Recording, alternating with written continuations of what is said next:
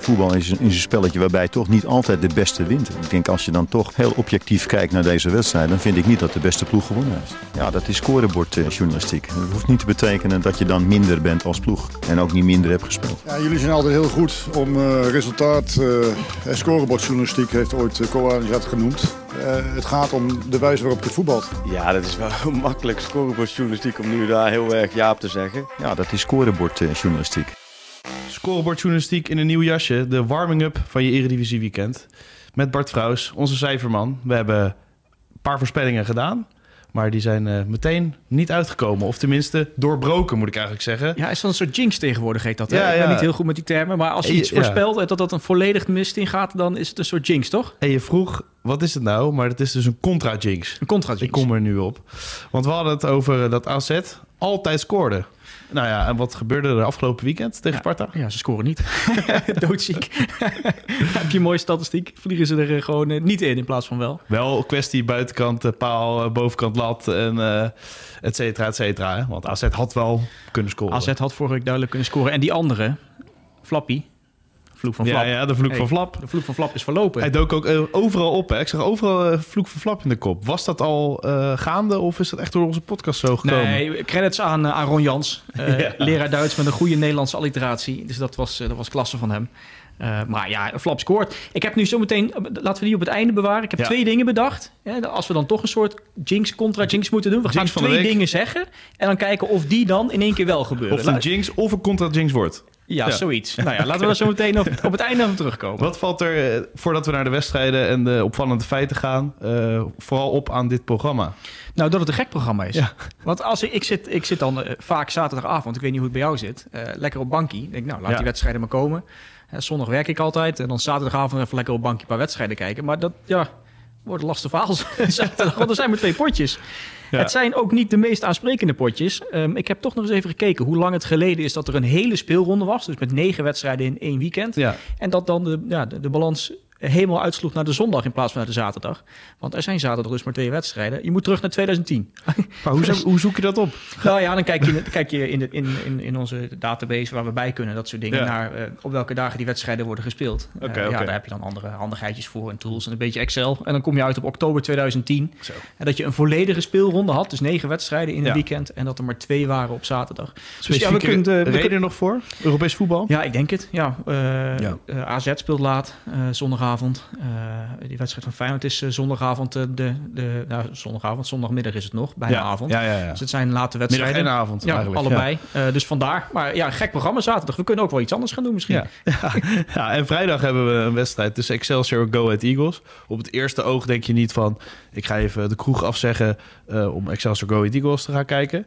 Maar waarom moeten mensen dat toch doen? Nou, dit kan best wel eens een leuk potje worden. Ja. Ik zeg het bijna elke keer, maar ik denk dat dit wel leuk wordt. Zeker omdat Excelsior in eigen huis daar doen ze nog best wel goed. Kijk, uit, dat is nou ja, niet heel best. Als je kijkt naar de punten die ze gepakt hebben, 24 in totaal dit seizoen, hebben ze 20 van hun thuiswedstrijden gepakt. Dat is echt heel erg veel. En die punten pakken ze dan vooral. Het is een, het is een soort pestploeg. Ja, nou staan ze zelf ook bijna onderin. Maar tegen de, tegen de onderste ploegen. Als je ziet dat ze gewonnen hebben tegen de nummer 13, 14, 15, 17 en 18.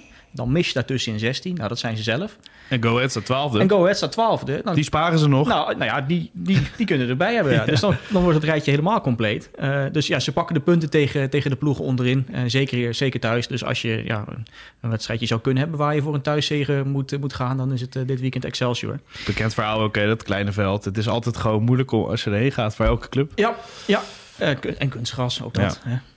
En die zijn ook, want Denk jij, als je zo nu naar die ranglijst kijkt en de onderliggende cijfers, dat Excelsior nog wel gaat halen? Of in ieder geval 16e ja, plek kan veiligstellen? Ik, ik wil er zo meteen nog een beetje op terugkomen bij, ja. bij Emmen. Maar wat vooral het, het, probleem is um, uh, bij Excelsior... is dat het een soort open huis is achterin. Je hebt wel eens dat je, dat je denkt... nou, we, kunnen een keer, we spelen vandaag niet zo, niet zo goed uh, verdedigend. Maar bij Excelsior is het gewoon bijna elke week het geval... dat uh, alle ballen om hun oren vliegen. En dan hebben ze gelukkig nog een keeper die wat tegenhoudt. Ja. Even, even voor de duidelijkheid. Excelsior is de ploeg met de meeste schoten tegen dit seizoen. En ook die gaan richting de 500. En als je nou een gemiddelde maakt per wedstrijd... want het seizoen is nog... Ja, we moeten nog een paar wedstrijden... dus het is lastig vergelijken met andere ploegen uit de historie van de Eredivisie. Maar je kan inmiddels wel een beeld schetsen ja, natuurlijk. Als nou ja, dan gaan ze richting de top 10 van, van ploegen met de meeste schoten ooit tegen sinds het wordt bijgehouden. Dat is 2010, 2011.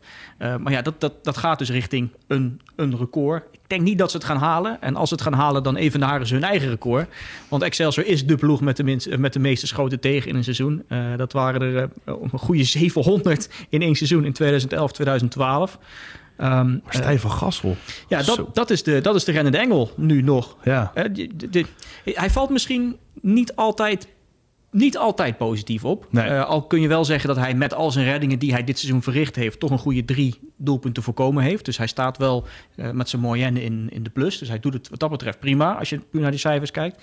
Uh, maar ja, die, die, hij heeft 100, 145 reddingen al, staan, dat is al, echt al verricht dit seizoen. Ja. Er is in de afgelopen vier volledige seizoenen was er maar één keeper met meer. En dat was uh, Kostas Lamproe. Uh, die had de 151. Alessandro Dame deed ook goed bij Excelsior, maar die komt ook niet aan die, uh, die cijfers. Dus ja, Nee. hij, hij moet nog een aantal wedstrijden. Dus die gaat ook richting... Kijk, als je, als je dit gemiddelde neemt, dan kan ook hij... de keeper Stijn van Gassel richting het record gaan meeste reddingen in één seizoen. Die staat nu, nou het zal je niet verbazen, op naam van, eh, de, van de keeper van Excelsior in het seizoen waar we het net over hadden. Dat was, hè, dat is bijna een quizvraag, Wesley de Ruiter. Wesley de Ruiter, mooi Ik had even op moeten zoeken wat hij tegenwoordig doet. Eh, maar Voor mijn hij- gevoel heeft hij voor altijd bij Excelsior gespeeld. Ja, maar het viel ja, reuze ik, mee. Ik, ik zou echt niet weten waar die, wat, wat er nu met hem aan de Nee. hand is. Ehm, eh, maar hij, hij is de keeper met de meeste reddingen. Dat waren er eh, 179. Krankzinnig. Dus nou ja, daar kan hij nog heen van Gassel.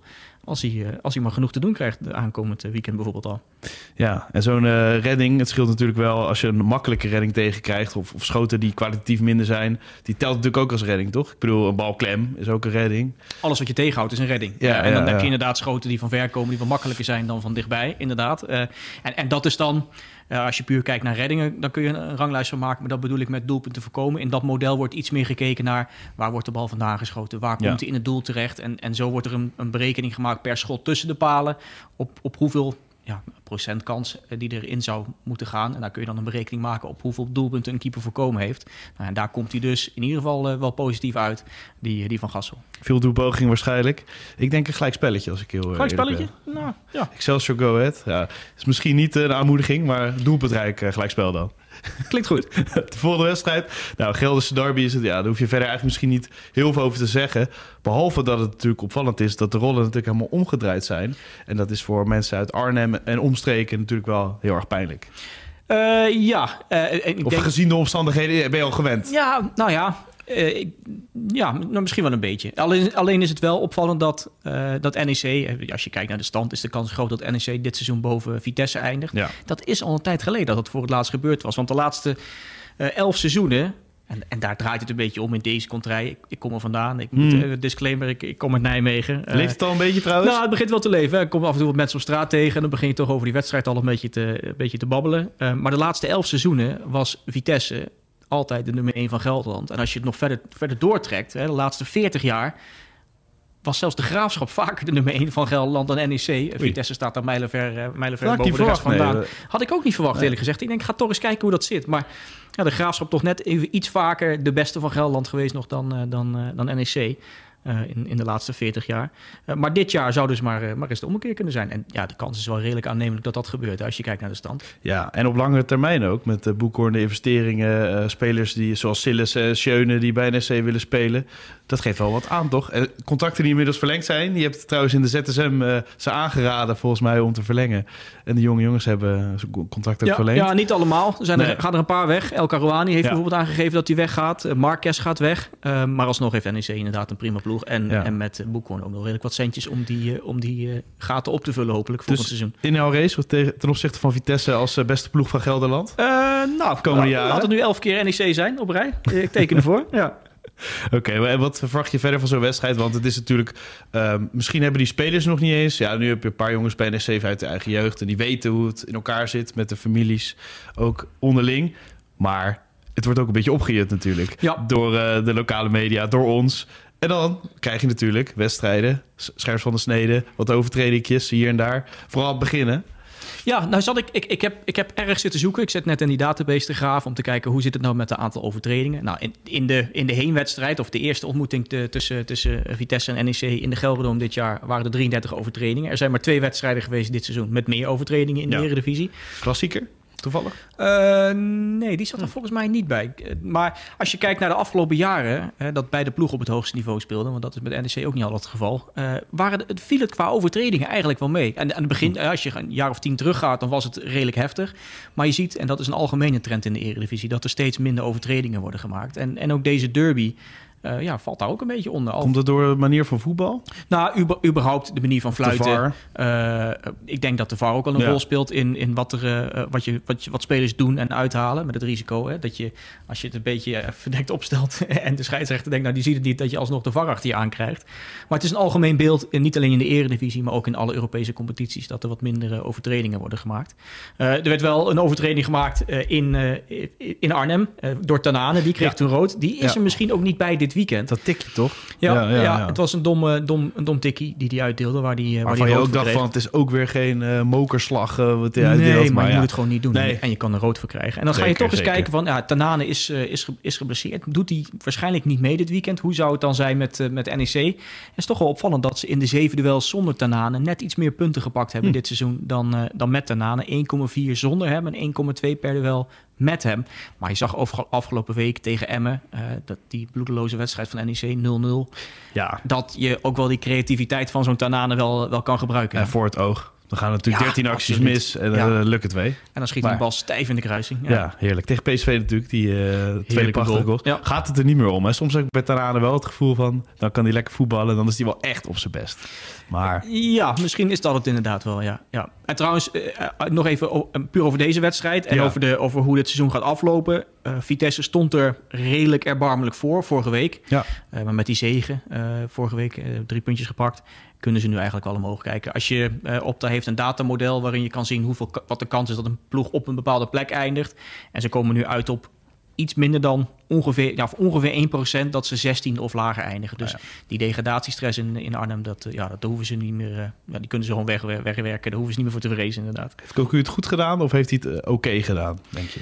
Um, ik denk dat hij het wel goed gedaan heeft. Het hielp ook wel dat hij een, een beetje een, een, een, een kwaliteitsinjectie kreeg ja. uh, in de winterstop. Zeker. Het is wel opvallend dat hij ook anders is gaan spelen. Letch was aanvallender, uh, veel meer op balbezit. Je zag het balbezit met 10% punt dalen toen, uh, toen Cocu binnenkwam in de eerste, eerste maanden. Dus ja, hij heeft wat meer zekerheid ingebouwd. En, PSV-voetbal van ja, zijn tijd. Hè, ja, en, en, hij houdt die ploeg in ieder geval in, de, in de eredivisie. En ja, ook geen degradatiestress meer. Dus dat komt helemaal goed daar. En dan op de zondag Ajax Emmen, dan zou ik normaal gezien uh, blind 5-0 uh, intekenen. ja, nou, het grappige is dat, dat uh, Ajax in alle wedstrijden tegen Emmen wel altijd drie keer scoort. Okay. En dat deden ze eerder dit seizoen ook. Minimaal drie keer dus. Minimaal drie keer, ja, minimaal drie keer. Alleen eerder dit seizoen hielp het niet, want speelden ze 3-3. Nee. dat hielp ook wow, niet. Dat was wel echt de ondergang. Hè, van, dat was een van die wedstrijden waarvan je dacht, ja, is het niet onderhand een keer tijd om wat, wat te gaan doen? Met ja. Ja. Wat verwacht je dan uh, van uh, deze wedstrijd? In ieder geval dus drie goals uh, van Ajax. Nou, die kun je alvast intekenen. Ja, ja. En van Emmen is er nog iets, een sprankje hoop waarvan je kan zeggen... wat het programma is echt...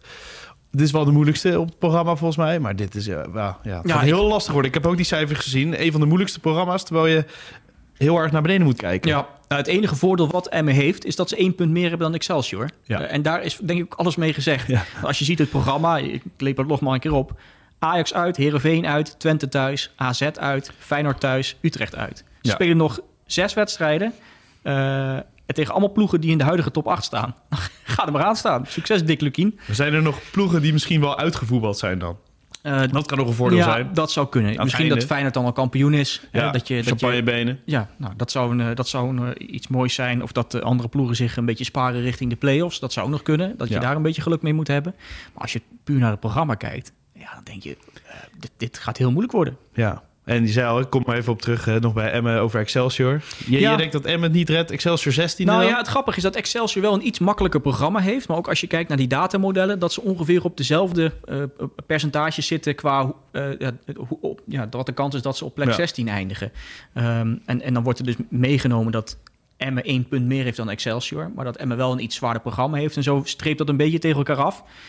Ja, en, en dan ja, heeft Emmen, opvallend genoeg vind ik, net iets meer kans om die onderste drie plekken te ontlopen. Meer dan Excelsior in ieder geval. Sowieso voor Dick Lukien natuurlijk eh, heel apart, denk ik. Als hij straks Emmen erin houdt en dan met Groningen... de eerste divisie Ja, moet. nou ja, hij is een specialist. hè. Afgelopen Ja. jaren Ja. eh, Ja. heeft hij ze er twee keer omhoog gebracht. En, Misschien vindt hij het wel een hele mooie uitdaging. en Dick Schreuder heeft, eh, gaat het nu ook doen met Zwolle. Ja. Dus misschien is het wel iets in die naam, hè? Dat Dick, Dick in de keukenkampioen-divisie. Is dat geen garantie voor succes? Dick Advocaat zou ook wel weer instappen. Die is ook een keer gepromoveerd. Dus dat, eh, dat komt helemaal echt goed. ook gedegradeerd met Sparta thuis. Ja, maar goed. Laten we het positief houden. Wat ik trouwens toch wel opvallend vind. Want ik, ik zei net al dat, eh, dat Ajax dus 3-3 speelde tegen hem op de Meerdijk. Ja. Eh, ze zeggen wel eens dat je, eh, dat je tegen de kleintjes kampioen wordt. Nou ja, Ajax laat nu dit seizoen wel zien dat dat... eh, ja, als je dan punten laat liggen tegen de kleintjes, dat het dan misgaat. klaar, ja. Want als je ziet, ze hebben eh 16 duels gespeeld tegen ploegen die in het huidige rechte rijtje staan. Zes keer puntenverlies. En dat waren allemaal gelijke spelen. Als, je, nou- als je het vergelijkt met Feyenoord, 13 wedstrijden tegen de huidige eh ploeg in het rechte rijtje. Die hebben er nog een paar. Vandaar ook dat we steeds zeggen dat Feyenoord een relatief Hmm. makkelijk programma heeft. Die hebben maar twee keer punten laten liggen. Ehm, dus Tegen de toppers wel heel veel gelijk spelen. Maar, eh, Ehm, ja, ehm, maar als je dan kijkt naar hè, een ranglijstje maakt tegen, dan, dan staat. eh, dan heeft Ajax dus si- significant minder gedaan dan, eh, dan Feyenoord tegen die onderste ploegen. PSV trouwens nog iets slechter, dat moeten we er wel bij zeggen. ja. En wat dan opvallend is, als je dan kijkt naar de punten tegen de ploeg uit het rechte rijtje, welke ploeg bovenaan staat, doe een gokje. Oeh, RKC? Nee, Sparta. Oh, Sparta, ja, ja. Sparta die pakt tegen de ploeg in het linkerrijtje niet zo heel veel punten. Ja, tegen AZ dan vorige Ja, week. vooral thuis pakken ze heel veel van ja, die ploegen. En, en, en al die andere ploegen, die, eh, daar pakken ze de punten tegen. Dus dat, ja, zo kom je, kom je ook hoog in het linkerrijtje. Maar ja, goed, Ajax dus heel veel punten laten liggen tegen ploegen zoals Emmen. Eh, twee keer tegelijk tegen, tegen Go Ahead, gelijk tegen Vitesse, Volendam en, eh, en NEC onder andere. Eh, dus ja, dat is een beetje het euvel van Ajax dit seizoen. Dus dit is wel een manier, deze wedstrijd, om toch eens te laten zien, zeker met de nieuwe trainer, van nou, we kunnen wel winnen van die ploeg uit het rechte rijtje. En als we dat niet hadden gedaan, wat dan? Hè? Richting, richting de titel. Maar goed, ze hebben gelijk gespeeld en dat is hun punt. Ja. En die Mislitat die heeft eh, gezegd dat eh Heitinga waarschijnlijk de trainer wordt. Nou ja, dan eh, moet Heitinga dit ook wel meteen laten zien. Hè? ja, vind ik wel een opvallende uitspraak, vind je niet? Ja, ik vond het ook wel heel opvallend. Ja. Maar ik hoorde ook iemand zeggen, eh pole position betekent niet dat je de race wint. En toen dacht ik, Hey. dat is wel waar. Kijk eens, en ik, ik, zit hier, even- ik zit hier met een GP-blogglas. Is dat En een mooie F- Formule 1-referentie. Gedeelde Ja. studio. Ja, ja. Mooi. Kwam misschien wel daardoor. Onbewust, hè? Ja. Dan hadden we dus eh, vorige week twee eh, jinx eigenlijk, contra jinx. En jij zei, ik kom nog even op terug. Ja, ik vind het altijd leuk om, om deze podcast te eindigen met spelers waar je op moet letten. Ja. En dan laten we nu dan een soort contra-jinx doen. Het mooie van zo'n statistiek, we hadden vorige week dus Flap als te spelen met de meeste schoten zonder te scoren. Nou, die scoort dan. Het mooie voor ons als, als statistici en cijferliefhebbers is dan, er is altijd iemand anders die dan, die, dan Ja, die rol ja, in zijn nummer schoenen geschoven gekregen, krijgt. Nou, dat is Robert Uldrikis. Eh, de speler van Cambuur, die ook speelde tegen Twente vorige week. Ook een paar schoten had, niet scoorde. Eh Ulrike staat nu voor een spits op 32 schoten zonder te scoren. Nou, dan maak je borst eh, maar nat. Dus dit is, dit is de eerste contra Jinx, Jinx contra Jinx. Ja, en die ja. andere, nog een andere opgezocht. Nathan Chuaon van Excelsior. Hij is te spelen met de meeste overtredingen zonder een kaart te krijgen. Dit Dat is seizoen. echt heel bijzonder. Gewoon overtredingen maken die net geen geel opleveren. dat is wel nou, een kunst, dat, hoor. is- dat is, dat is wel zeker een kunst. goede eigenschap voor een verdediger. Absoluut, absoluut. Ehm, dus eh, de, de Jinx contra Jinx is... Hij gaat dit weekend geel pakken. Mooi. En Ulrikis heeft volgens mij ook al een keer tegen Feyenoord eh, gescoord, als ik me goed herinner. Maar dat weet ik niet, eh, weet ik niet zeker in ieder geval. Nou, als hij, dan, als hij dit weekend maar doet om de Jinx, de contra Jinx Jinx... ja, ik vind het een heel moeilijk woord trouwens, maar goed. ik moet het goed uitleggen nog een keer. Volgende week weer. Bart, eh, bedankt. En eh, luisteraars, eh, heel veel plezier bij dit Eredivisie weekend. Voetbal is een, is een spelletje waarbij toch niet altijd de beste wint. Ik denk als je dan toch heel objectief kijkt naar deze wedstrijd, dan vind ik niet dat de beste ploeg gewonnen heeft. Ja, dat is scorebordjournalistiek. Dat hoeft niet te betekenen dat je dan minder bent als ploeg en ook niet minder hebt gespeeld. Ja, jullie zijn altijd heel goed om eh, resultaat eh, en scorebordjournalistiek, heeft ooit uh, Koanis dat genoemd. Eh, het gaat om de wijze waarop je voetbalt. Ja, dat is wel makkelijk scorebordjournalistiek om nu daar heel erg ja op te zeggen. Ja, dat is scorebordjournalistiek.